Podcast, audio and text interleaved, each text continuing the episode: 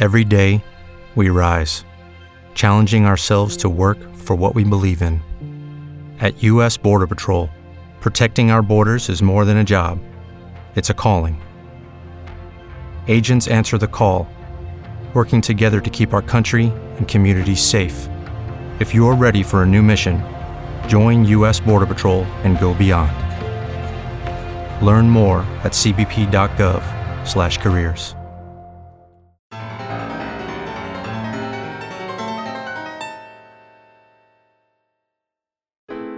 Patronlarımız Ding Dong, Orxan Hüseynov, Vüqar, amzseller.az, Famik, Kənan Qədimov, KB, Hüseyn Həsənzadə, Rəşad Hüseynli, Doktor Nicat Nəsirov, Nihat Muxtarlı, Zaur Allahverdizadə, Yo Travel Science. Təşəkkür edirik. Yayımın baş sponsoru Azərçay. Azərçay. Doğma çay. Dostlar axşamınız xeyirli olsun. Bu dəfə təkəm. Los Ancelesə gələndə avtomobil sərgisinə elə dedim fürsətdən istifadə etmişkən burada özünüzünkilərlə bir podkast eləyim. Və bu gün podkastımızda qonaq Royaldır. Royal uzun müddətdir ki, artıq neçə ildir burdasan? 7 ildir. 7 ildir ki, Amerikadadır Bəli, və biz ə, Royalla bu podkastda Amerikaya gəlməkdən, risk etməkdən niyə bura gəlib? Ə, dünyada 210 öl- dövlət var. Onlar O qədər dərinliyi mən bilmirəm. hə, niyə görə Amerikanı seçib bütün bunların hamısını elə Royalla danışacağıq. Royal təşəkkür edirəm ki, ilk olaraq bu ə, vaxt çərçivəsində zaman ayırdın ki, Xoş. ə, söhbət eləməyə. Ə, gəl 7 il önə gedək. Niyə qərar verdin ki, Amerikaya gələcəksən? Ə, Əslində mənim belə bir planım yox idi. Əcəb Biraz planım çox Planım belə- yoxdur. 7 çox il belə şey buradayam. oldu, hə. Aha. Ə, İzləyicilərə əvvəl salamlayım. Adım Royaldır, familiyam İsmailov. Ə, 7 ildir ki, Amerikada yaşayıram ailəmlə. 2 qızım var. Hal-hazırda burada da videoqraf kimi fəaliyyət göstərirəm. Ə, Gördüyüm işlər də avtomobillər üzərindədir. Hələ sizin sahə ilə də yaxındır. Ə, necə ə, əslində əvvəllər mən baxırdım Avropa ilə maraqlanırdım. -hı. Ora gedim. Bura başım heç ağlımda yox idi. Sonra nəsə bir dəfəlik şərtlər dəyişdi. Okay. Bəs axı sən ə, Azərbaycanda iş görürdün. Azərbaycanda iş görürdüm. və hal-hazırda Azərbaycanda da indi də Azərbaycanda olsaydın işin olacaqdı. Hələ bu olacaqdı. Hə, elə bu olacaqdı. Bu Ni, olacaqdı. hə, hə, bəs niyə o qərar verdin? Nə, nə idi səni bura gətirən? Ah, Fürsətlər deyək də. Mhm. Deyək fürsətlərdə məndə orada şans düşdü ki, mən məktəbdə oxuyum və fikirləşdim ki, o məktəbdə oxuyanda artıq uca mən buranın Mhm. belə deyək də bazarına girə bilərəm də, belə deyək. Buranın ə, burada işləyə bilərəm. Burada imkanlar daha çoxdur. Burada imkanlar daha çoxdur, hə. O yerdən biraz qayıdıb gələcək. Burada əslində çox paradoks şeylər baş verir burada. da. Yəni mən pisi də deyəcəm, yaxşını da Hə. deyəcəm, amma çox qarışıqdır. Yəni mən buna qulaq asan adam o deyə bilər ki, yaxşıdır, əgər belə qəlizdir, belə pisdirsə niyə qalmısan orada? Bu, bu suallar Hə. həmişə gəlir biz danışanda. Məsələn Amerika elə yerdir ki, sən burada bir gün içində bir bir gün mən ümumi belə misal Hı. olaraq deyirəm. Yəni burada zirvəyə də qalxa bilərsən. Lap Küçədə də qala bilərsən. Ki nə qədər bilərsən. adam var burada. bura küçədə. bura belə bir yerdir. Bura gələnə kimi mən bunu bilmirdim. Mhm. Mən buranı çox belə Hollywood filmlərində gördüyümüz Amerikanı tamam başqa cür təsvir edirəm. Retuşlu Amerika. Çox, yəni filmdə retuşlu Amerika deyə bilərik. Yəni Photoshop olunmuş Hə. Amerikadır orada. Mən bura gələndən sonra başa düşdüm Mhm. ki, yəni bizə mən uşaqlara deyirəm ki, yəni bizə bunu deməmişlər də. Bura gələndə bura çox fərqli yerdir, yəni.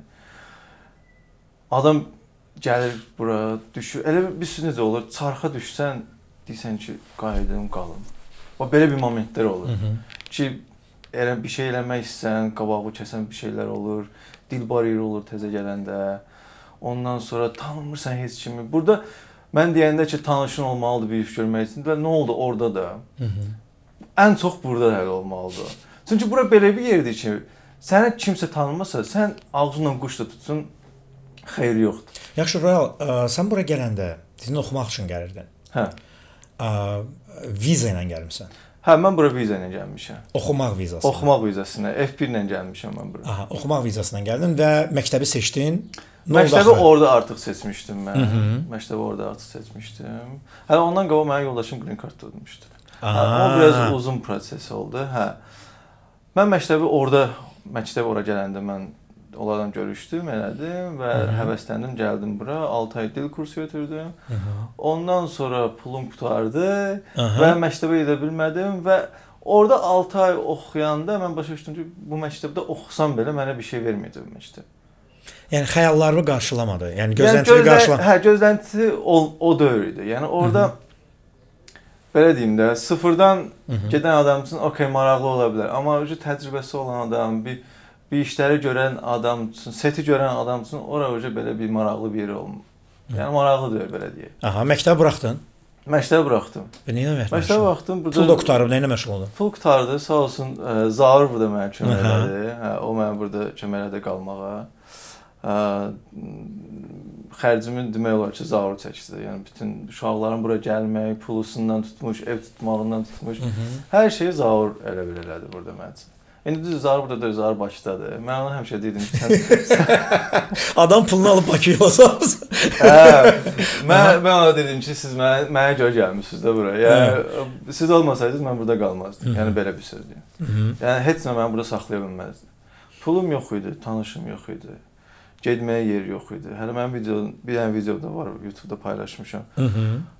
O həmin 6 ay ərzində mən harda qalmışam? Pulum nə nə qədər Harda qalırdın? Mən əvvəl ev tutduq, belə 4 nəfər bir otaqda qalırdıq. Bundan da balaca otaq idi. Onda tək qalırdın da, ailən gəlməmişdi. Onda ailə gəlməmişdi hələ, hə. Mən fikirləşirdim ki, mən gələcəm bura, mən işləyəcəm. partladacam. Mən hə Bakıda necə, e, yəni video çəkirdim, paylaşırdım, pa Mhm. yəni uğur əldə edirdim. Burada da o uğurlar yəni davam edirdi. Çünki mən özümə güvənirdim ki, mən işi bacarıram. Mhm. Amma yox. Yəni kimə yazırdım, cavab vermirdi. Danışırdım, görürlər immiqrant. İmmiqrant yəni belə şey başa düşmür. Yəni immi- immiqrantsan, danışsan, sənə ə, bilirlər ki, başqa yerdənsən. Bəzən olur işivə görə səni ona görə yox deyə bilirlər. Tanımırlar. Azərbaycan desən bilmirlər haradır. Millətə baxırlar, başa düşmürlər nə millətdir. Burada da özünə yaxın hiss eləməsə sənə iş vermir də bu adam.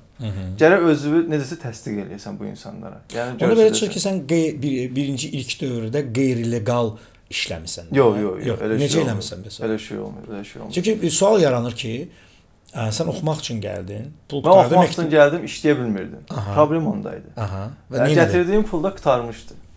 Zaur elə pul qurtarırdı, 100 dollar verirdi, yemək alırdım, benzin alırdım, gedirdim. Sonra dedi ki, qal bizim ofisdə, orada qalırdım. Sonra Ofisdə qalmağa başladın. ofisdə qalmağa başladım ondan sonra. Bir 2 həftə yaxın ofisdə qaldım. Sonra Əli, onun kiçik qardaşı tək qalardı. Biz elə bir ki, axşamlar onunla çox o ailə ailəsi o subay idi yəni, bu isə ailəli idi.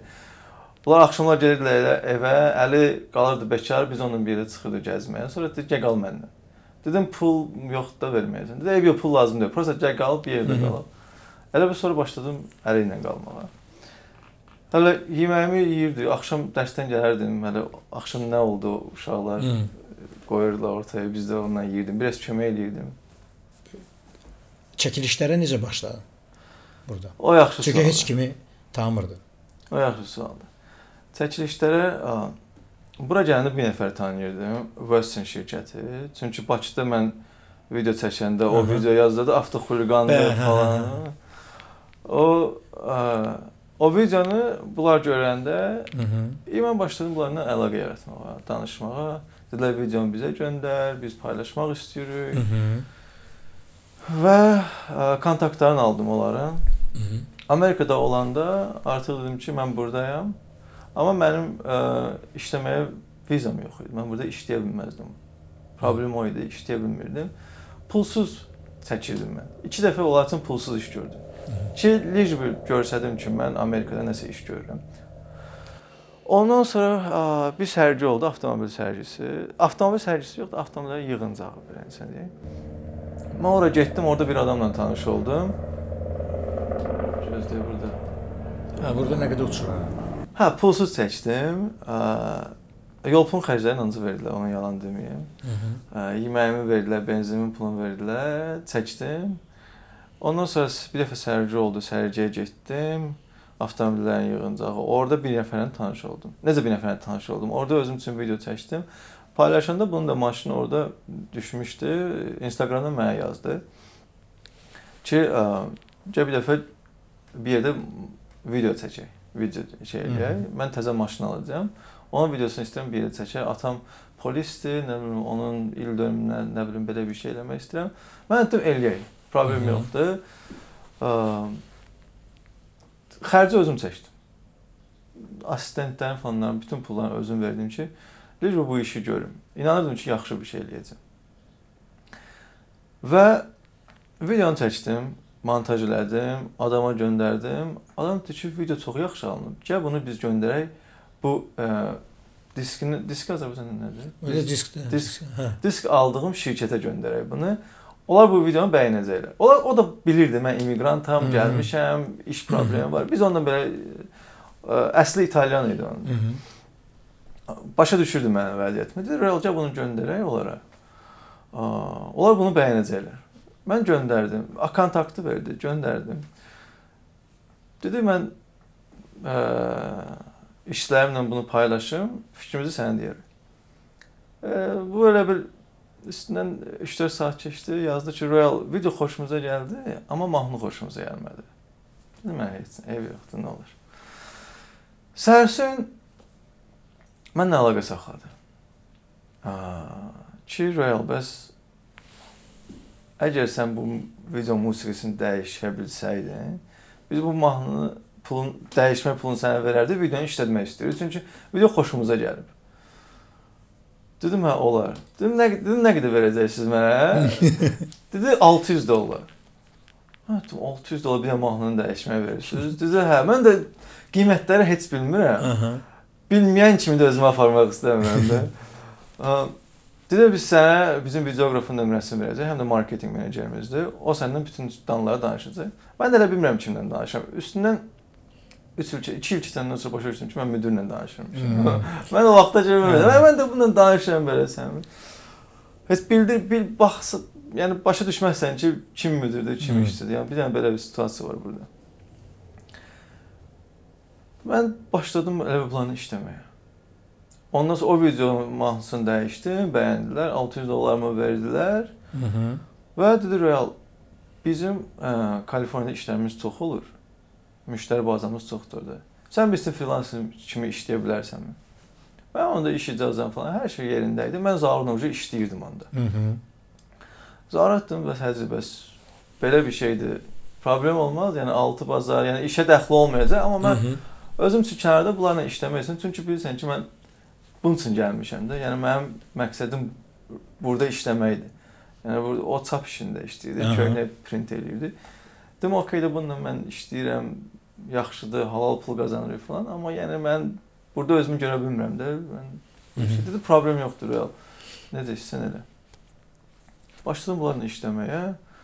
Uca artıq videolarım çoxaldı, səfərlər başladı. Bunlar mənə başladılar göndərməyə başqa şəhərlərə, başqa ştatlara. Hı -hı. Və ondan sonra mən bu hələ arda danışım yoxsa E, Danış, danış, danış, danış. Hə. uzun olar ha? Ha, yox, ey, narahat olma. Bilirsən, söhbət ver. Hə. Özgüvən qayıtdı yerinə, çox depressiyadaydım. Dəhşət depressiyadaydım. Özü məndə disleksiya var. Disleksiya olan adamlar o qədər depressiyaya düşür. Hər anda depressiyaya düşə bilirsən. Motivation olmur iş görməyə. Belə səhvlər, o qədər səhvləyirsən. Yəni özün özündən o qədər danışırdım. Yəni qırmızıda da keçə bilirdim bəzən. Belə baxırdın qırmızı, dayanmısan qırmızıda. O o qədər depressiya idi. Özümü tapa bilmirdim orada. Problem o idi. Öz bizə adam gəlir, istədiyi kimi heç nə alınmayanda hər şey elə bir sıfırdan başlayırsan. Elə bir 30 yaşın var. Ailən, uşağın, i başlayırsan hər şey sıfırdan. Evə gəlsən, maaşla evə pul gətirirsən, e, maaşı alsan, ev pulun verirsən, ondan sonra nə bilim ə, aylığı, yeməyi zadı belə çox bir qəribə hal almışdım. Bu bu iş məni elə bir stimul verdi biraz. Bunlarla danışdım biraz. Elə bir özümə motivation gəldi ki, okay real, düz yoldasan. Yaxşıdır hər şey, narahat olma. Mən də öz özümə belə çox motivation verirəm ki, yaxşıdır, narahat olma. Pis şey çox fikirləşmirəm. Amma danışanda həmişə birinci pisi danışıram. Məndə bir dənə o şey var. Amma özüm üçün o belə pis şeyləri həmişə ə, motivation kimi qəbul edirəm. Motivasiya edir məni onlar. Başladım bunlarla işləməyə. Uje 2 il idi, hardasa səhv eləmirəm. Ə, həmin aralarda da ə, yoldaşım onlayn biznes eləyirdi, onlayn ə, store var idi. Mən ə, çatdıra da bilmirdim. Onda mən Uber-də eləyirdim. Aha. İşdən çıxırdım, arada Uber eləyirdim. Uber çox eləməmişəm. Çünki onlaynla gələn pul onun qarşılıydı. Onlaynla pul gəlməyəndə, zəif olanda alver belə deyim. Mən Uber-ə çıxırdım ki, heç olmasa qarşıla. Bir günündə olsa rasxoda çıxsın. Yəni burada ə, əsas diqqət eləməli məqam ondan ibarətdir ki, ə, sən burada Bakıdakı kimi işləməyə bilərsən. Burada daha çox işləyəcəksən. Burada hə, burada daha çox işləməlisən, amma o da faktor ki, həmişə o, o, çox- çox işləməlisən. Aha. Hə, onu mən sonra danışacağam. Hə. Yəni əvvəllər deyirdilər ki, hə, çox işləmək lazımdır. O qaldı köhnədə. O söhbət yəni dəyişib. Yəni çox işləməyə bilib çox pul qazana bilərsən. Yəni bu hə, legal da yollarla bu işləri eləmək olur. Çox asandır, amma onun üçün də hazır olmalısan, illəri verməlisən ki, o stepə gəlib çatasan. Bunlarla iki il işlədin, sonra nə olur? Onlarla iki il işlədim. Zarur etdim ki, mən işdən çıxıram. Çünki o işdə mən oca özüm görmürdüm. Düzdür, dostlarımla vaxt keçirdim, eləyirdim. Özümü tapa bilmirdim. Hı -hı. Və fikirləşirdim mən burada qalsam mən oca bu tərəfi itirəcəm. Çünki mən tam bu işə fokuslana bilmirəm. Problem o idi. Mən fokuslanmaq istəyirəm bu işə, gedirəm 6-dan 9-dan 6-ya ora otururam o işi görürəm, evə gəlirəm, yorğun oluram, başqa heç nə eləyə bilmirəm. İşte başı qoy yat. Biraz yorğun olmadan dur çıx işdə. Gəl evə. O belə bir moment idi. Zarur etdim, zarur mən çıxıram. Ə, bu şirkətlə işləyəcəm. E başqa şirkətlər də tapmaq istəyirəm. Deyir tapcıq. Dedim yox, mən ücə tapcıq eləmək istəmirəm. Mən istəyirəm çıxım, o məsuliyyəti götürüm üstümə, e başlayım ə, beynimdəkilərin ə, həyata keçirtməyə. Dedi okey. Elə nə vaxt istəsən amma gəlib tezdən bizdən işləyə bilərsən. Mən çıxdım. Ə, başladım şirkətlərə e-maillər göndərməyə, DM-lər yazmağa falan. Ə, list tutdum özüm üçün. Şirkətlərlə şablon bir dənə mesaj hamısını atırdım. Və videonu göndərdin ki, belə videolar çəkirəm. Hə, yəni videolar göndərirdim. Ə, Western şirkətinin, Ferrada şirkətinin adını çəkirdim ki, mən bu şirkətlərlə işləyirəm, Amerikadayam və videoqrafam, freelanceram və content istəyirsə mən də sizin işləyə bilərəm. Ha, onlardan 3-4-ü cavab verdi. İkisi ilə başladım belə necə deyirlər Azərbaycanda? Da, da, daimi yazışma, Mhm. yazışmağa. Ə, müntəzəm, müntəzəmdir də o sözə. O əsas şey. Müntəzəm ə, yazışmağa və ə, biri də həm həmin vaxtda Sima Show-dur. Sima Show bilirsiniz də yəni. O ərəfələr idi. Və Sima Show ərəfələr idi deyənə bunların hamısı ə, yeni məhsulların o Sima Show-ya saxlayırlar. Bilər mənə dedi ki, biri Royal mən mənim əlimdə 2 dənə maşın var. Biri ə, ə, yeni white body kitdir. Şirkət Yaponiya şirkətidir. Pandem Rocket Bunny şey Mhm. şirkətin adıdır.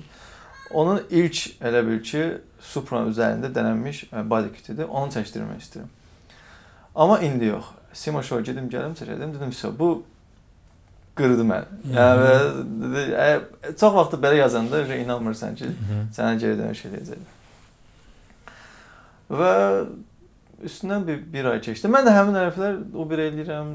Yəni biraz Uber-ə çox gedib gəlirdim onda. Çünki işdən çıxmışdım. Amma mən oradan da qazana bilmirdim. Problem o idi. Mən çox maşın sürə bilmirəm. Özüm üçün sürürəm çox. Amma Uber elə bir gələndə o məndə elə bir şey yaradırdı ki, "A, niyə də bunu eləyirsən də sən də? Yəni sənin potensialın çoxdur. Sən burada Uber eləməməlisən. O məni çox demotivation edirdi. İ o neqativi özümlə aparırdım. elə bir işə çıxanda ilk qazana bilmirdim pul. Elə bir 70 dollar, 60 dollar. O da heç nədir. Yəni bu Amerika üçün o pul heç nədir. Mənə deyəndə ki, Uber-dən biz çox qazanırıq. Mən deyirəm ki, gəl mənə öyrət necə eləyirsən, onu mən də eləyim. Çünki mən işləmişəm Uber. Mən maksimum qazanmışam deyirsən 160 dollar Günə. günə. Hı. O da ki, yəni 8 saat işləmişəm, 3 saat işləmişəm dayanmadan. Yəni o da bilmirəm, Amerika gəlsənsə o o işləri pisləmirəm mən. O işləri pisləyəndə mənə dedilər ki, sən o işləyənlərə aşağıdan yuxarı baxsan. Elə deyil, özüm də işləmişəm o işləri. Amma buranın o qədər ə, necə deyim, ə, imkanlar çoxdur. Yəni sən o işlə kifayətlənməməlisən. Sən başqa şeylər eləməlisən. Nəysə. Qayıtdı Simaş oradan və yazdı mənə. Həmin ərəfələrdə mən başqa bir şirkətlə də danışırdım. O mənə deyirdi, vaxtım yoxdur, yazar Rohan Hı. şirkətidir. O mənim sonra ən böyük müştərim oldu. Hı -hı. O mənə deyirdi, vaxtım yoxdur yazam. Çünki bir dənə şirkətlə işlədim. Sonradan bildim ki, bu iki şirkət arasında yaxşı əlaqələr yoxdur. Bir-birlərindən xoşları gəlmir. Burada da belə belə bir söhbət var imiş. Mən onu sonradan başa düşdüm. Bunlar bilirdi ki, mən bununla işləyirəm. Bunlar da məndən işləmək istəyirəm, amma bunu sonradan bilmişəm. Sonradan bildim bunu. Hı -hı. Bu adam gəldi, qayıtdı. Mənə yazdı, biz görüşdük. Biz görüşdük. Adı Rich'di. Çox yaxşı oğlandı. Bu, bu da şirkətin birbaşa sahibi idi. Biz bununla görüşdük, maşını çəkdik, təhvil verdim. Dedi, "Royal super, ikinci maşını da çəkəcək." Dedim, "Əla." Bunlar tuning şirkətləridir. Bunlar tuning şirkətləri sayılmır əslində. Bunlar sayılır ə, Wells Company. Wells Təkər. Company təkə disk, Disk. disk. Amma belə bir şey var burada. Əgər disk satırsansa, sən ə, bir dənə ə, body shop açırsan, çoxları elə eləyir. Və oradakı maşınları tuning, tuning, tuning anlayışı bizdə tuning burada chip anlayışıdır da. Burada Biz faceliftə tuning deyirik Azərbaycanda. Hə. O facelift əslində tuning deyil də. Hə, burada maşınları hər cür yığırlar da, maşınların egzoz dəyişirlər. Yəni Hər şeyli. quluşu dəyişirlər, body kit yığırlar, təkərləri qoyurlar. Bunlarla məşğul olurlar. İ öz brendlərini də orada reklam edirlər. Ah. Belə bir şey. Elə Yəni bir həm də göstərirlər ki, disk maşının üzərində necə görünür. necə görünür? 3-4 şirkət bir yerdə Mhm. bir proyekt eləyir və o proyekti mən çəkirəm. Mhm. Bu belə bir şey başa sizə. İkinci, üçüncü videonu çəkən çəkdim. O bu saat mənim ən çox sevdiyim videolardan biridir. Başda çəkdiyim BMW videosu, bir də o video, bir iki dənə də başqa videolar var. Sevdiyim videolardan biri oldu. Mahnını bir günə tapdım, bir günə montaj elədim. O qədər ürəyimə yatdı. Hər şey çox ideal alınmışdı orada. Maşın özü də idi, yəni Lamborghini ə, Urus, ya Lamborghini Hurricane idi deyəsən səhv eləmirəmsə. Mən maşınları da sevəndə adların, familiyalarını bilmirəm. Okay. Məndə belə bir şey var. Çünki maşınları sevəndə əslində çox maraqlı olmur məndə nə maşın olur. Hı. Mən əsas orada üçün nə çıxardıram oradan. O mənə Hı hı. maraqlıdır. O bəzən maşınlara deyirlər mənə, deyirəm, okey də bilmirəm. Yəni Mhm. dərini bilmirəm, motorun zadını heç nə bilmirəm çox vaxt belə. Bir qəribə haldır məndə. O video çox qəşəng alındı. O video özüm də bəyəndim, o da bəyəndi. Orada air suspension nə. Azərbaycan dilində?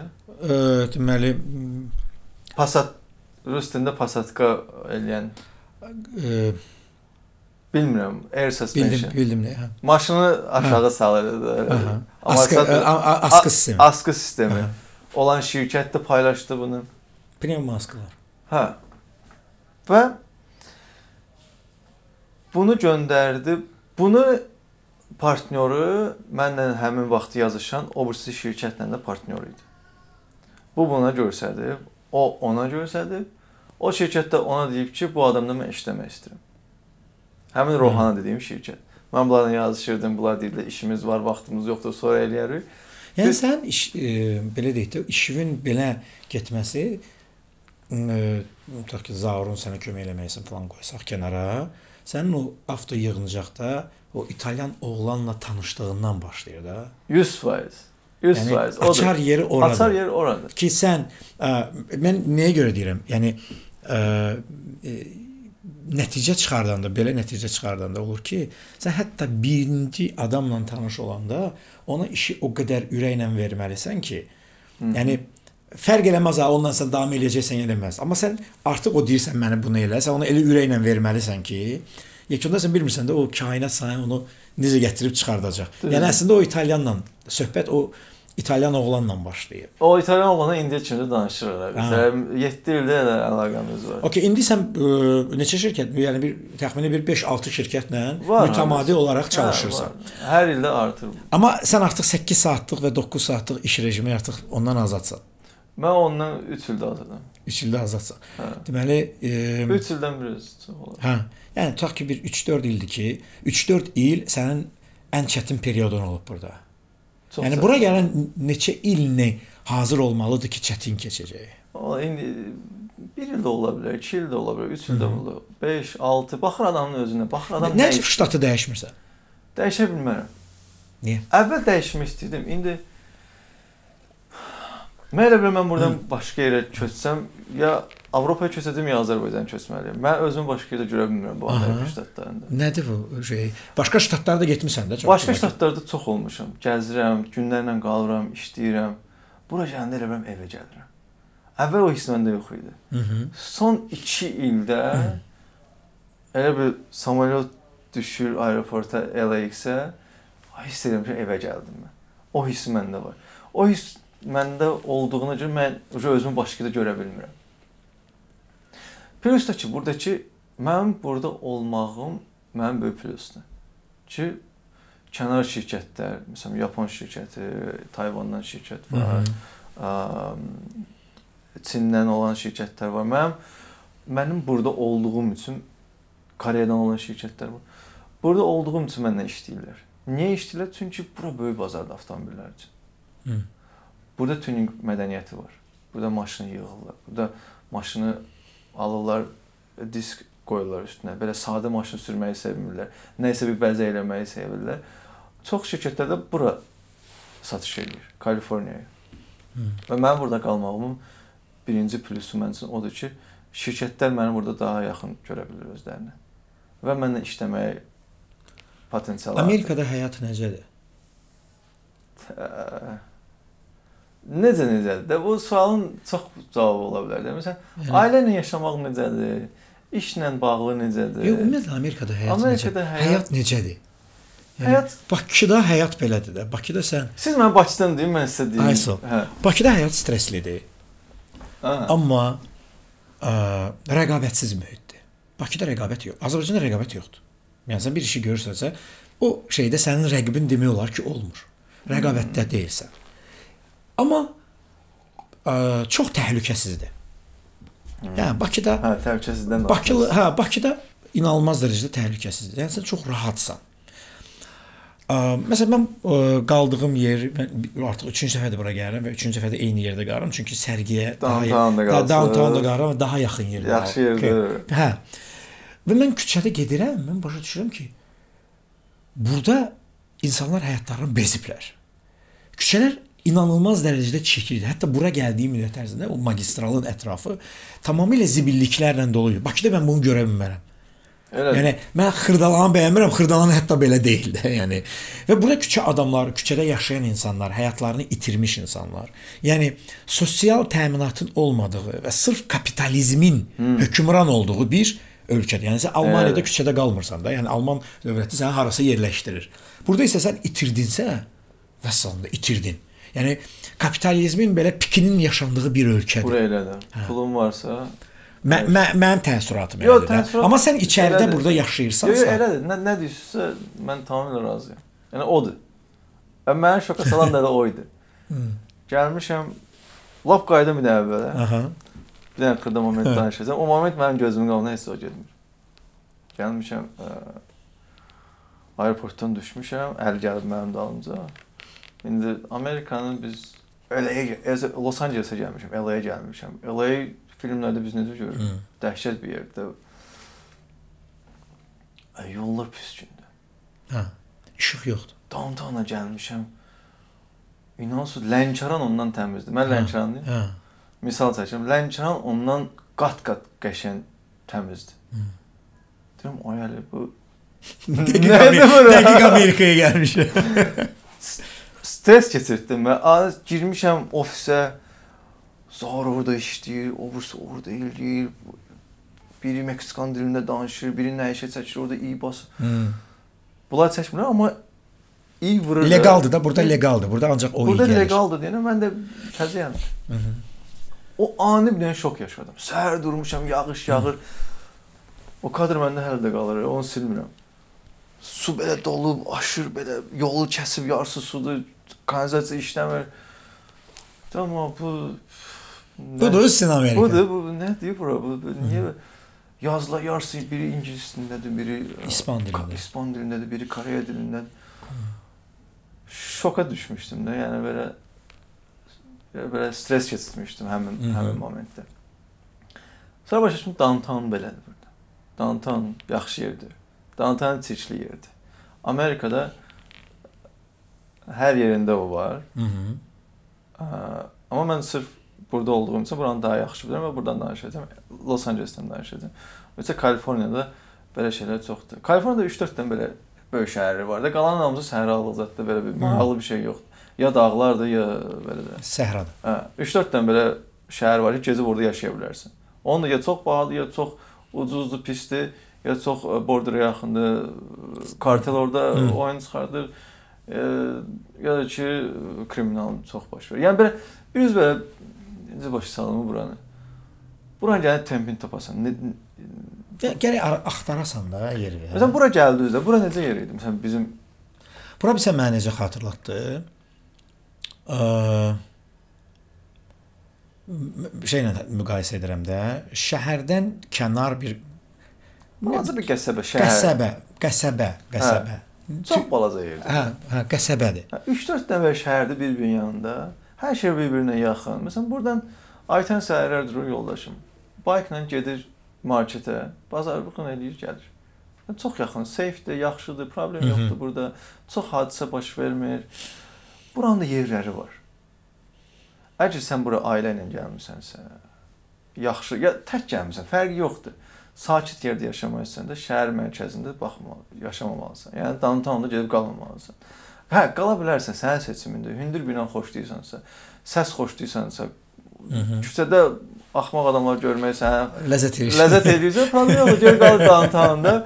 Problemləri e, orada rahat görəcəksən. Amma yox, əgər sən sakitlik istəyirsənsə, hər şey yaxın olmağını ist- istəyirsənsə, məktəb ərazisin yaxşı olmağı istəyirsən, istəyirsənsə, biraz yaxşı və bahalı yerdə qalmalısan. Budur. Kapitalizm budur burada. Mhm. Yaxşı yer bahalı yerdir burada. Yəni sənin əgər yaşadığın yerdə tutaq ki, məsələn Kaliforniyada, LA-də belə bir misal çəkim. Yaxşı 2 otaq, normal 2 otağın qiyməti 2500-dən dollardan başlayır. Kirayəsi. Hə, tapsın əgər belə də normal. Mhm. Bəs ev almaq? Ev almaq başlayır yəni milyon götürdü nəzərdə. Aa, burada onda kirayə qalmaq daha çox sərf eləyir. Əlbəttə. hə. Mən mənim məntiqimdən hə. Hə. O da milyona necədir? İstədiyin evi tapmayacaqsan. Məcburi belə də bir dənə ev alarsan ki, yəni pulumu yatızdırım. Əgər belə ev yat pulu evi pulu evə yatızdırmaq ə, tipli adamsansa. Yəni bəzi adamlar var, Azərbaycanlılar var burada gəlirlər. Ev alaq, ev alaq, ev alaq, biz ev, ev, ev. Məsələn mən də fikirləşirəm ki, niyə bu qədər tələsirsiniz də? Yəni Mhm.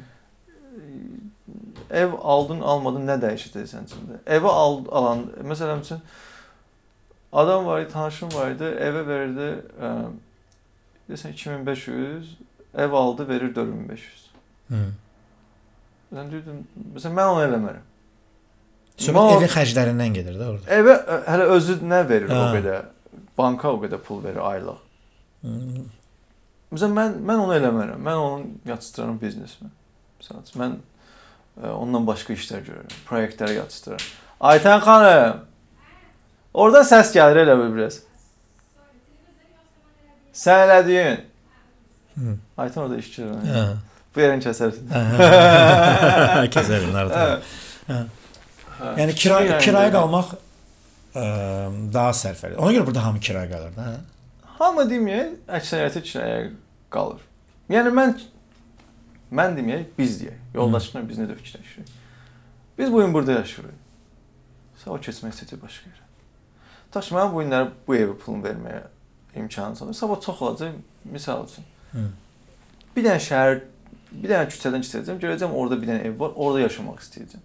Köçəcəm orada yaşayacağam. Ya da vəbşin burada yaşamaq istəməyəcəm, köçəcəm başqa yerdə yaşayacağam. Yəni mən istəmirəm ki, məni nəsə harası bağlasın. Mənim indi bu saat beynimdə problem odur. Məni bir yerə bağlayan bir şeylər olanda məni narahat edir. Bağlı belə bəzi şeylər var, adam məcburi. Məsələn, bu şəhər məni məni məcburi saxlayır burada. Hı -hı. Amma özümü başqa yerdə də görə bilmirəm. Okay. Okay, deməli ev ə, yaxşı. Ev mövzusunu yekunlaşdır. Hə, e, indi bir, Mən- şey deyim sənə. Ev mənə görə, mənə -hı. immiqrantsansa, birinci burada gəlib evi fikirləşməməlisən. Mənə görə. Bax bu mənim fikrimdir. Yəni kimsə məndən razılaşmır bilər, o mənə maraqlıdır. Amma mənim fikrimə görə, ailəmin fikrinə görə, birinci biz burada işimizi qurmalıyıq. Biz burada bilməliyik ki, biz ə, nə qədər pul qazana bilirik. Ondan sonra ev ala bilirik. Çünki ev almaq elə də çətin olmayacaq əgər o biznesi qurmusansa. Mənim fikrimcə sən burada bax bu qədər mən bu qədər pul xərcləyirəm öz işimə, gücümə, hər ay nəyisə update edirəm şeydir. Eləməyə də bilərəm. Amma eləyirəm ki, mən burada işimi qabağa çıxardım və işimi istədiyim yerə gətirim çıxardım. Ondan sonra rahat fikirləşirəm ki, mən ev alıram. Mən mən nə bilim orada harda yaşayıram, mən necə edirəm. Ondan sonra o şey o istiqamətə yönələrəm. İndi bizim fikrimiz nədir? İşlərimizi görmək, uşaqları yaxşı məktəbdə oxutdurmaq çünki evin ərazisi məktəbə görə dəyişir. Daşı Hmm. mən bu günlər ev aldım burada. Burada middle school yaxşıdır, amma ə, high school pisdir. Məcbur o uşaq high school pis high school-a getməlidir. Ya da mən bunu pulla oxutmalıyam. İldə 25 min dollar. Ha, indi uşaqlar pulsuz oxuyurlar. İndi uşaqlar pulsuz oxuyurlar. Burada pulsuz təhsil var. pulsuz təhsil var. Hə, niyə yoxdur? Hə. Təhsilləri o qədər də super deyil, mən sizə onu deyim. Mən buranın təhsil sistemini belə çox bəyənmirəm. Ha, nədir orada? Ə, Nə bilim, onu daha çox yoldaşım danışa bilər. Hı -hı. Amma belə deyim də uşaqlara bizdəki kimi Mən dedim bizdəki kimi dedilər, "Ə, sən nəyinsən? Dayan bir dəqiqə, bizdə təhsil vaxtım yox. amma amma götürək bax bir dənə bizim savadlı uşaq, bir də bunların savadlı uşağını götürək. Müqayisə etsək bizimki onlardan daha çox biləcək. Qəribədir. Hə. Amma bəzən olur, ə, deyirlər ki, mənə regiondan çox şanslıdır. Burada belə Hı. deyirlər mənə. Bilmirəm bu nə qədər düzdür. Çünki bilmirəm, başqa yerdə oxuyan uşaq görməmişəm. Hı. Başqa yerdə yaxşı məktəblər var, onu bilirəm. Orada yaxşı təhsil var. Oranın ə, təhsil sistemi başqadır. Amma sırf mən burada yaşadığım üçün mən buradan danışa bilərəm ki, Bax uşaqları məktəbə yönəl- yönəltmək, yəni sən ailəyə gətirəndən sonra uşaqlar məktəbə getməli idi. Getməliyik. Və onlar da ə, m, Getməyə deyəndə mələk var idi. 4 Hı. yaşı var idi Aha. gələndə. Biz onun üçün müəllimə tutdu. İngilis dilini biraz başladı öyrənməyə. Çünki uşaq heç nə bilmir, danışa bilmir. aha, elə onu O deyəcəm. başladı A, B, Z öyrətdi, biraz danışıq falan. Bağçaya getdi. Bağçada yavaş-yavaş Ünsiyyətə girdi, oradan öyrəndi. öyrənməyə bir dənə Azərbaycanlı ailənin uşağı da var idi, sağ olsun. O uşaq da var idi, bir-birinə dəstək olurdular. İngilis dilini tam öyrəndi. Ondan sonra məktəbə məktəbə getdi. getdi. Məktəb ə, seçimindən sonra indi sən high school var da. İndi uşaq böyüyəcək və high school-a keçəcək. Onda bu deməkdir ki, yeri dəyişirsən də. Problem oldu. Bu saat beynimdə bir dənə belə sualdır ki, mən hara getməliyəm? 3 ildir burada yaşayıram. Buranı çox bəyənirdim. Ev mükəmməl, belə atmosferi çox yaxşıdır. hı.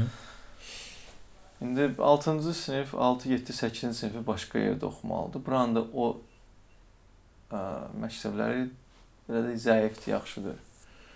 Mən məcburam 2 dənə variantım var. Ya mən köçməliyəm Irvine-ə. Amma Irvine-dan xoşum gəlmir.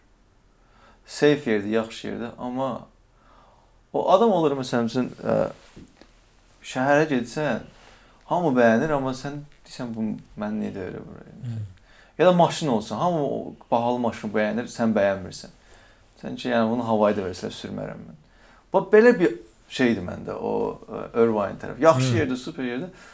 Məcbur olsam köçəcəyəm, o ayrı. O, amma Bəs səhiyyə? Bahalıdır. Səhiyyə bahalıdır. Səhiyyə bahalıdır.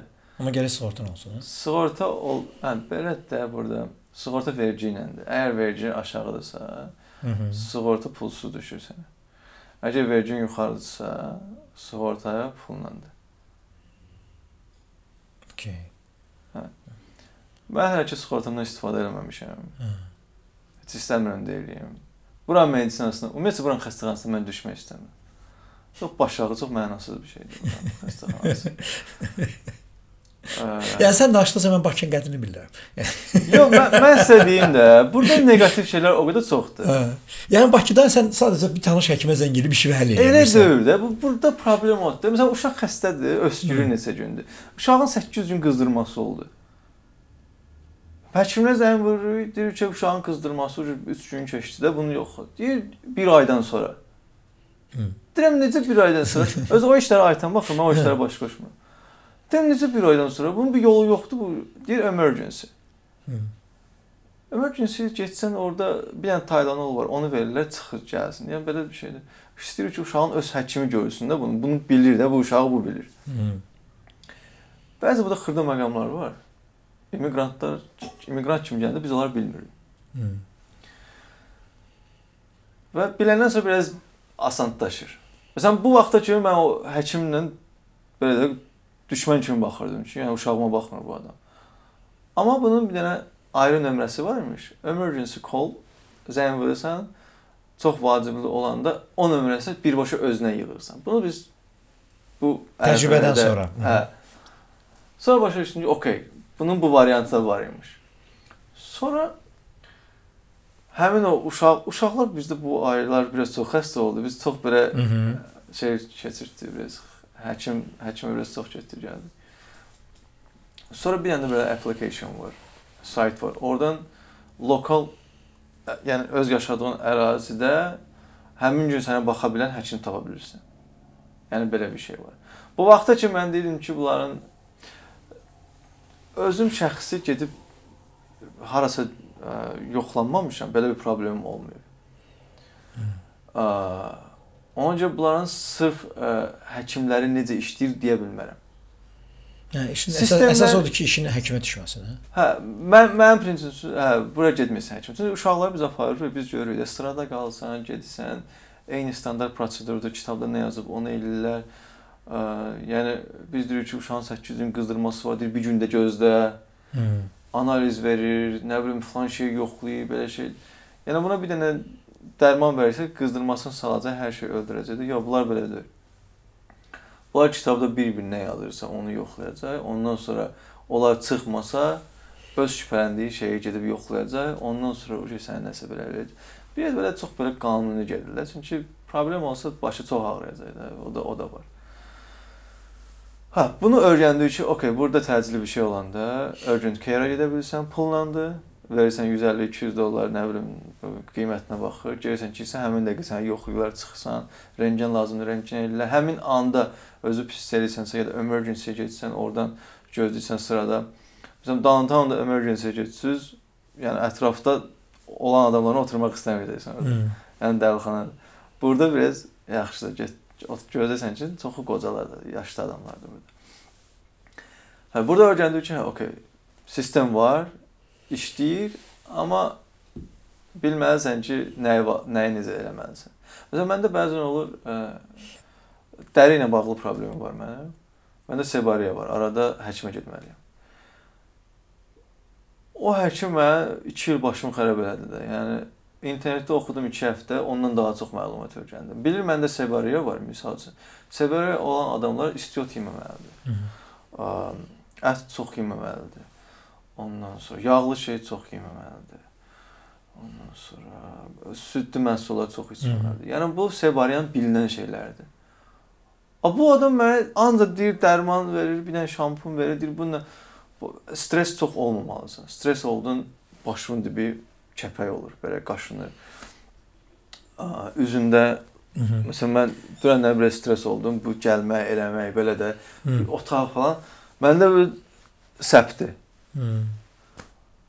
A bu 2 ildir gedirəm bu adamın yanına. Bu adam mənə demir ki, səndə deyir səndə sevariyadır. Bu bu şampunu elə, bu, bu üzündə səpdi bunu mazıbı. Deyim yaxşı. 2 il mən bunun yanında bu belə gezib gəlirəm, pul da verirəm. Sığortadan işlətmirəm. Hı. Sığortam onu cover eləmirdi. Mənim sığortam ona düşmürdü. E burada sığortalar var, birinə düşür, birinə düşmür. Hər dəfə 80 dollar verirəm, gedirəm bunun yanına, mənə bir dənə maz verir, şampun yazır, refilllə gedirəm götürürəm. Axır otur, oturdum YouTube-da araşdırdım. Uca bunun yanına getmirəm, uca əsəbləşirəm bunun yanına getməndə. Bir dənə mənə şampun verir. Ona deyirəm ki, mənə bu şampun uca düşmür də. Bu şampun gəldi. Yaxşı, Şampun- Yox. YouTube-da araşdırdım. Ha, İndi mən öz xəstəliyimi kontrol edə bilirəm. ha, anladım. Yaxşı. Ə, bunun təhlükəsizlik məsələsi var da. Hə, təhlükəsizlik məsələsi. Çünki məsəl tutaq ki, bir qarşında bir adamdır, mübahisən düşür də, amma sən bilmirsən ki, həmin adamda nə var bu dəqiqə. mübahisəni çalışmaq lazımdır uzaq. Yəni Əl dəymək olmaz burada adamın, amma əl vurmaq olmaz. adam əl vurmaq olmaz. Ha, yo, yo, yo, yo. Burada videolara baxın. Burada deyir ki, gəl mənə vur. Birinci gözlə kimsə kiməsə vursun sən. Yəni o sənə vursa sən ona vura bilərsən. Self defense. Sən Hı. özünü müdafiə edəcəksən. Amma sən birinci vursan, o vuranın üstündə qalır problem hamısı. Hı. Bir dənə o yerin bilirəm. Hə. Amma mən bura gələndə gördüm ki, sizin yaşadığınız yer həm də belə qapalı bir ərazidir. Yəni bura Onu qapalı. özün ərazi. seçmisən. Xüsusi olaraq şey elədim, baxdın ki, ona elə olsun. Çünki burada elə yerlər var ki, qapısı birbaşa magistral açılır. Mən özümü orada safe hiss eləmədiyimə görə Hı. bunu görən kimi dedim biz bu evi tutaq. Çünki mən hələ o yerə gəlib çatmamışam ki, yəni ə, çünki bu ərazini seçməli idim. Bu ərazi bir başqa yaxşı olmayan əraziyə yaxındır və o yaxşı olmayan əraziyə yaxın olduğu üçün mən ə, ya bina evində qalmalıydım, ya da belə bir yer Hı. tapmalıydım bağlı yer. Bina evi idi, pandemiya vaxtı idi. -hı. Buranı gördük və buranın safe olduğunu hiss elədik və bura köçməyə qərara gəldik. Burada təhlükəsizlik biraz aşağı. Yəni ümumiyyətlə Amerikada aşağıdır. Təhlükəsizlik problemi var, özdə böyük Ciddi problem. surətdə Hə. var. Misal üçün hava qaraldı biz çöldə olmuruq. Mən çox barmaqla sayıram ki, hava qaralanda mən ailəmlə çöldə olmuşam. Hı. Çıxmır. Başqa ştatlarda bəlkə fərqli ola bilər. Başqa ərazilərdə bəlkə fərqli Hı. ola bilər. Amma sırf Los Angelesdən danışırıqsa, Adam laf gəlmək istəmədi ya bura. yox, necə, ə, belə deyim də sizə də. İndi nə qədər green card verənlər var da, yəni indi green cardın şeyi də bitdi. Ə, Green card üçün namizədliyini verən adamlar var. Ə, Onlar təbii ki, onların arasında kimsələr kimlərsə qazanacaq. Və bir çoxlarında bəlkə də arzusu gedim LA-də yaşayım, Kaliforniyada yaşayım və ya San Fransiskoda yaşayımdı. Amma görünməyən tərəfi də var da buranın. Yəni Görünməyən tərəfləri var. qaranlıq tərəfi nədir? Qaranlıq tərəfi odur ki, Burada kartellər də çoxdur. Hı -hı. Onların mübarizəsi çoxdur. Onu çox işıqlandırmırlar. Amma var. Və təhlükəsizlik deyəndə Amerika böyük şəhərdir. Böyük şəhərdə ümumiyyətlə təhlükəsizlik problemi olur. Məsələn, Kaliforniya özü bəlkə Kaliforniya özü 40 milyon əhalisi var. Kanada qədər əhalisi var buranın. Yəni Bir dövlətdir də. burada hər cür insan var. Yəni yanında getdiyin adam bilmirsən kimdir. Hı.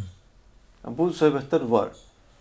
Onun sadəcə sən burada gündə gedib kiminsə yanında gəzmirsən ki, yəni burada maşına oturdun, mala getdin, adamlar çoxdur. Orada nə olacaq? Heç.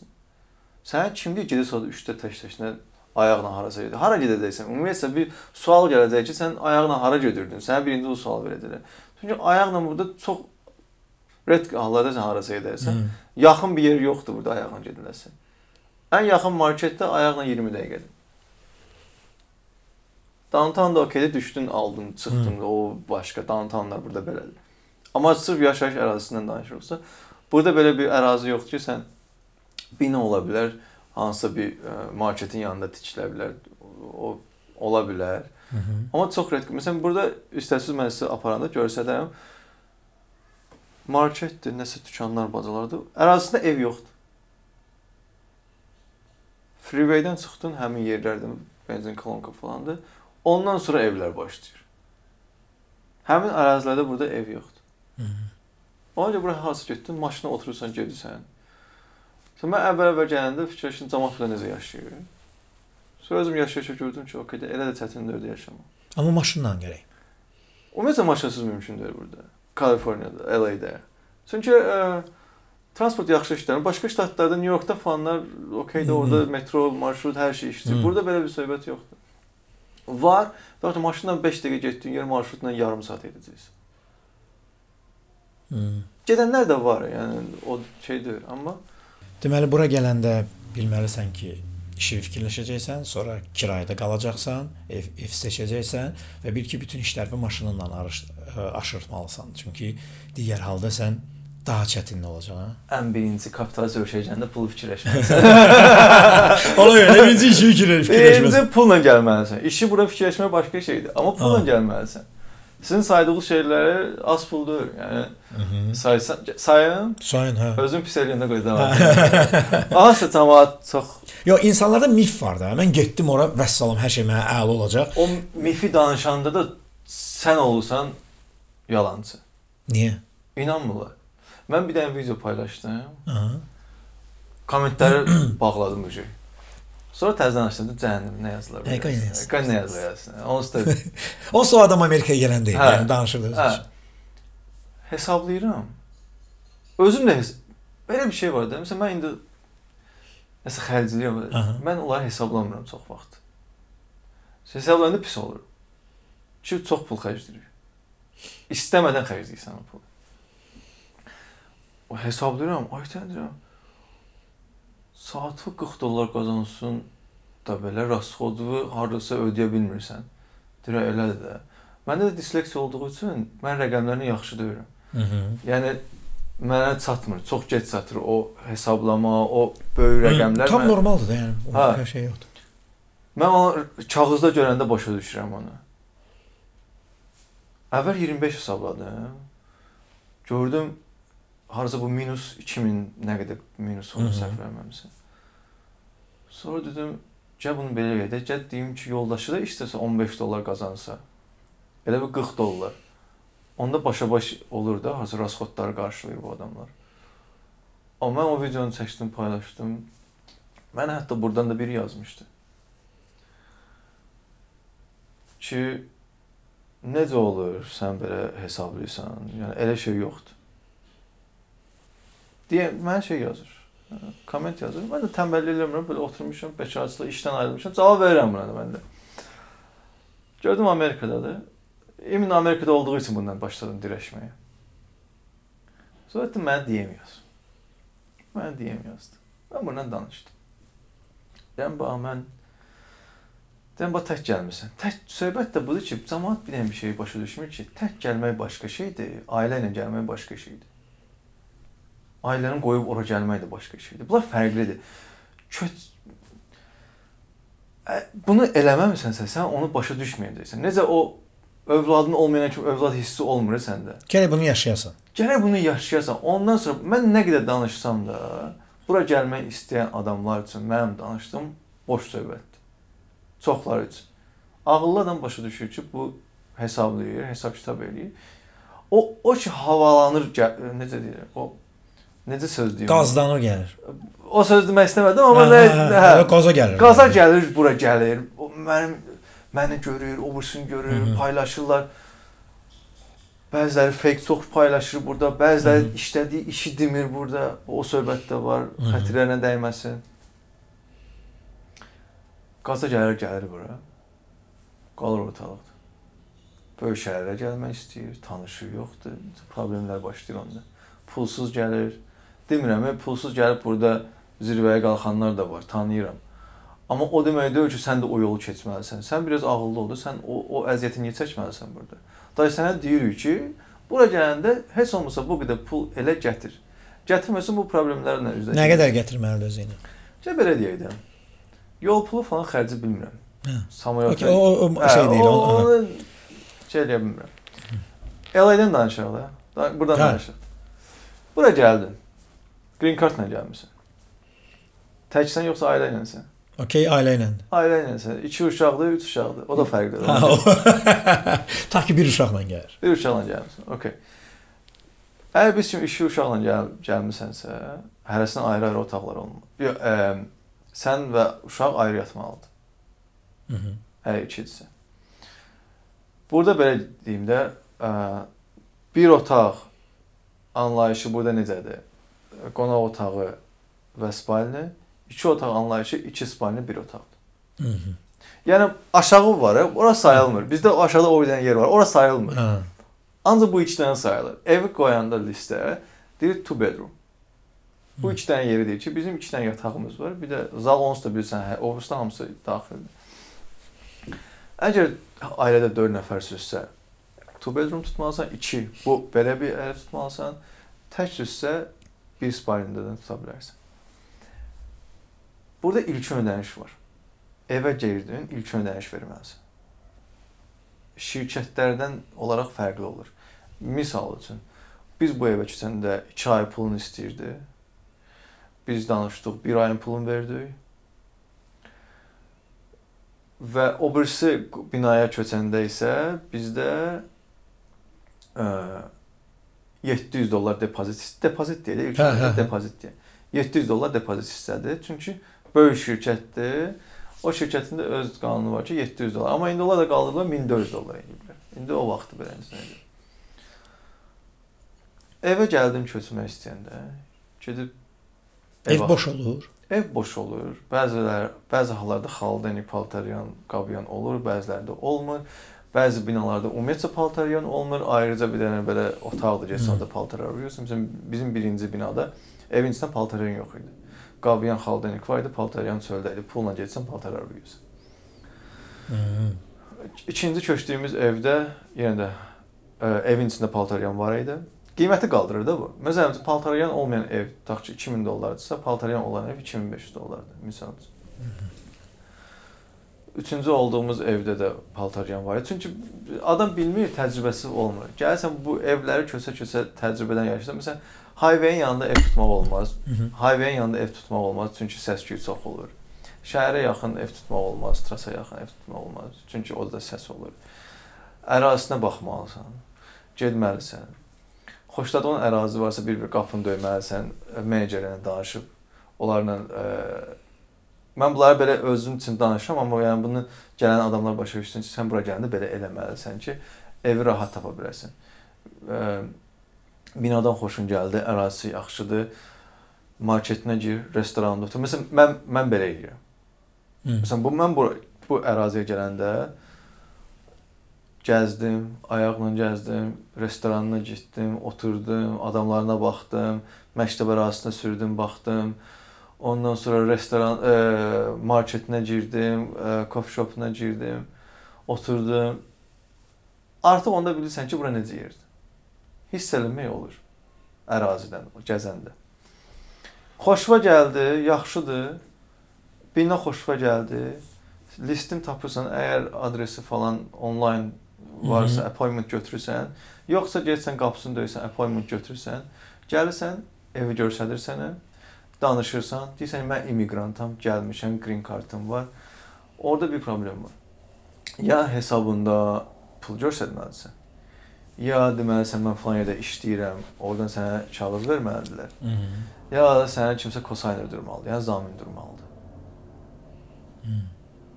Üç dənə variant var. Ya da ki, kimsə Əli, Vəli, Pirvəli evi olmalıdır, o səni tanımalıdır, sənə o evi verməlidir. Evi alanda Heyfdir Bakı. Tez həll eləmək olur e, məsələləri.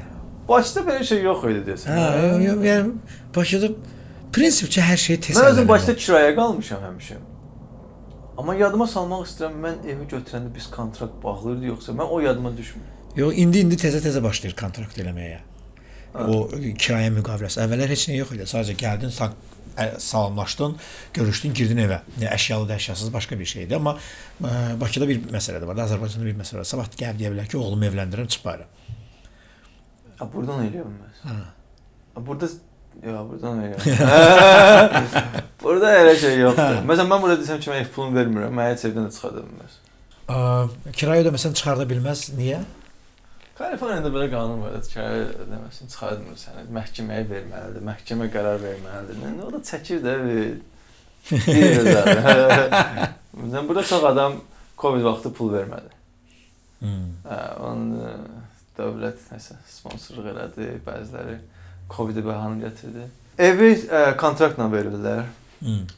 Evi götürəndə şərtləri olur. 2 ay, 1 ay depozit. Depozit dəyişir götürdüyün ərazidən. Ə, şirkət sənə 700, 800 min, 1500 də deyə bilər. 1 ayın pulunu da istəyə bilər, 2 ayın da pulunu istəyə bilər. 2 otaq Kaliforniyada yaxşı ərazidə əgər normal gedib baş ağrısız yaşamaq Aha. istəsən, belə one bedroom 3 ailə gəlsənsə 2500-dür. Ə, onun götür 1500 ya da 2500 depozitin. Maşın almaq istəsə qiymətlər burada ikinci əl maşınların 30-40% qalxıb. Normal maşın alıb Uber, Lyft işləmək istəsə başlamaq üçün də, yəni Hı -hı. ə, ilinə görə maşın almalısan 2008 ya 2010, onun da ki qiyməti arası götür 10 min minimum deyirəm də belə 10 min 8 min belə, belə götür. Ondan sonra ev əşyasız olur, əşyaları özün almalısan, paltaryan, ə, xaldenik içində olur. İçində olmaya da bilər paltaryan dediyim kimi. də. Qiymətli olaraq dəyişəcək, binada olaraq dəyişəcək. Nə qədər elədi?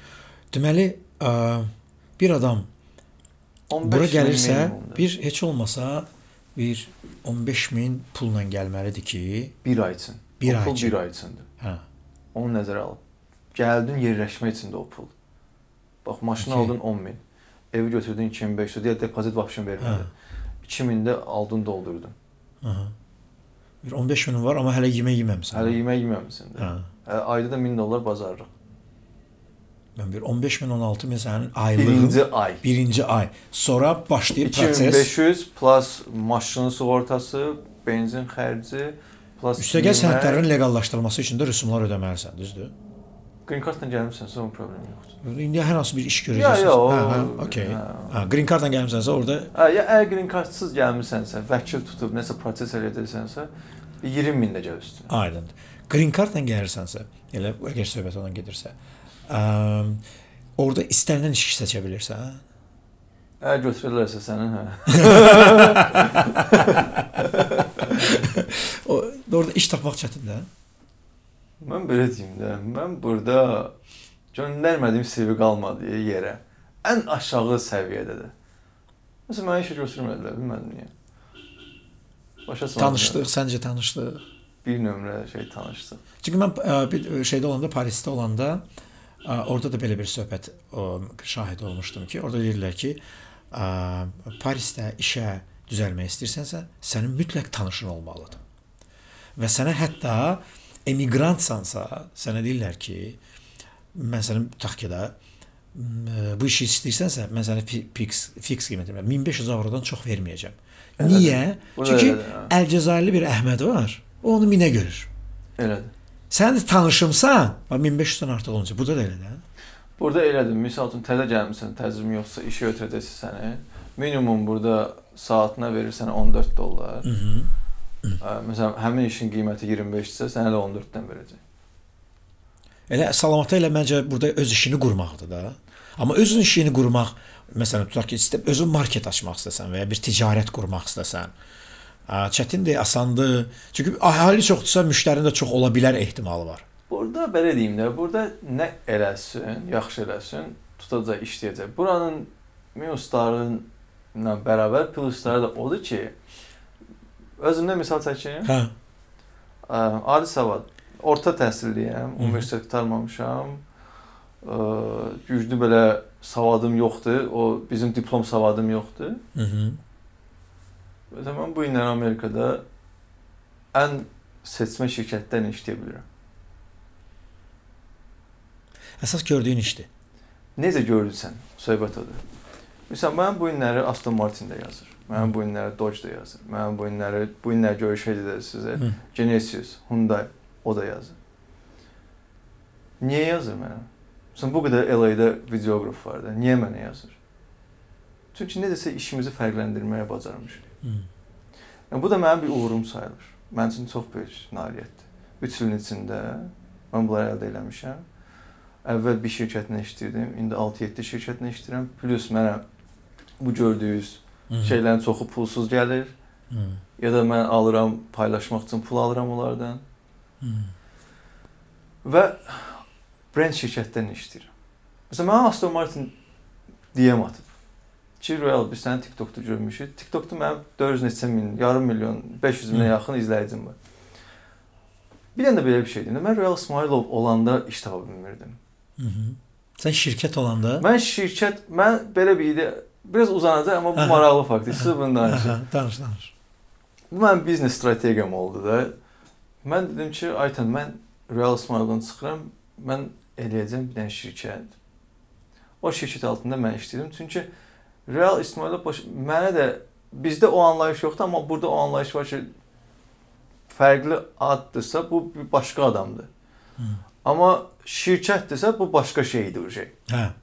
O, o ciddi, daha ciddi qəbul. Daha ciddi qəbul. Mən başladım şirkət, səhifəni açdım, elədim. Sağ olsun TikTokdan mən başladım, səhifə artdı, keçdim Instagrama həmin şeyləri Mhm. qoydum. Alqoritmanı nəsə başa düşdüm, nə istəyir. Hı -hı. TikTokda bir dənə videom 25 milyon getdi. Vay maşallah. Başa düşdüm ki, bu nə istəyir. Başladım o tərz videolar çəkməyə, şirkətlər başladı mənə yazmağa.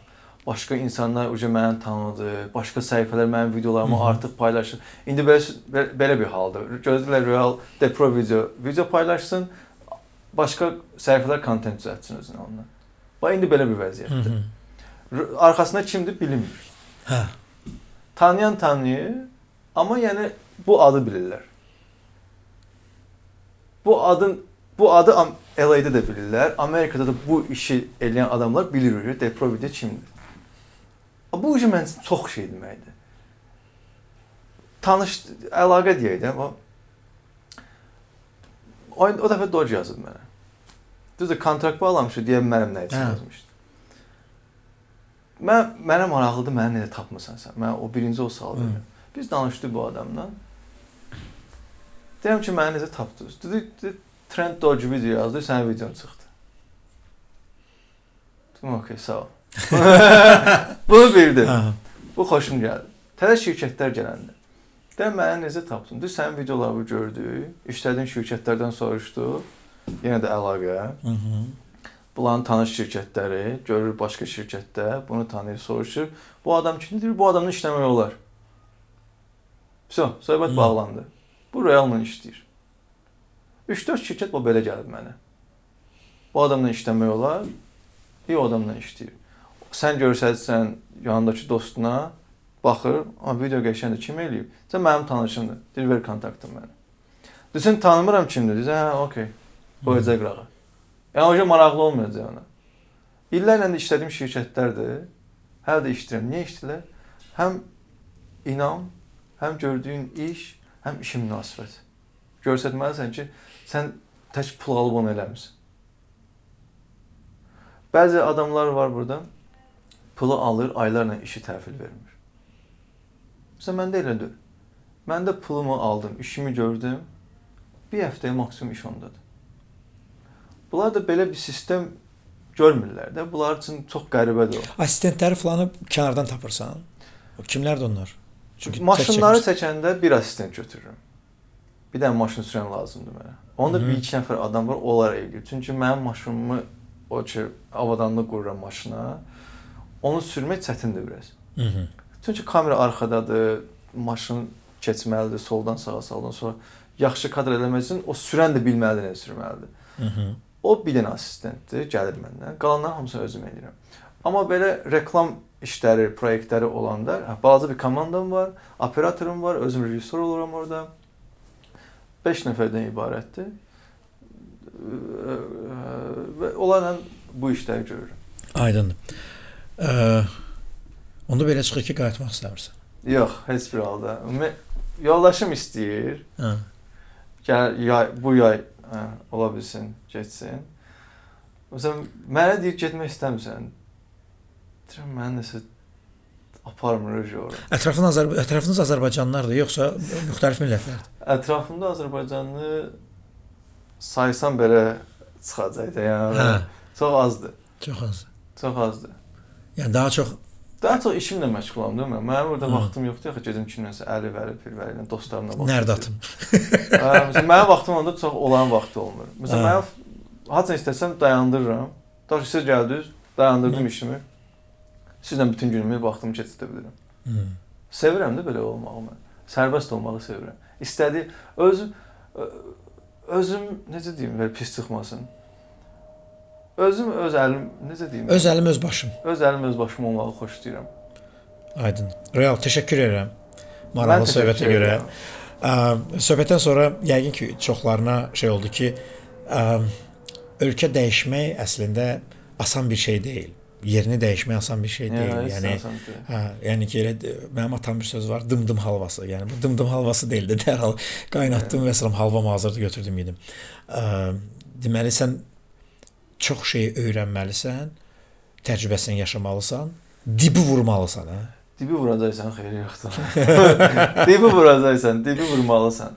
Dibi vurmasın qalxım. Yəni dibi görməsən onsuz da qalxa bilmirsən də. Hı. Çox Dib özü də təcrübədir də bizsin burada. Bizdə burada o qədər yenə söhbət tutanca nəsə Hə.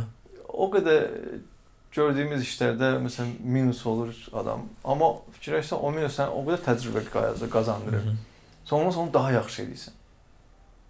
Başa düşürsən ki, bu dibi vurmaq əslində Amerikada sənə bir dənə elə bir qapı aça bilər. Yəni o o o deyirsən ki, yaxşı o dibi vurdum mən. Əla. Təşəkkür edirəm. Sağ olun. Mən təşəkkür edirəm. Növbəti podkastımızda görüşərik. Qismət olsa.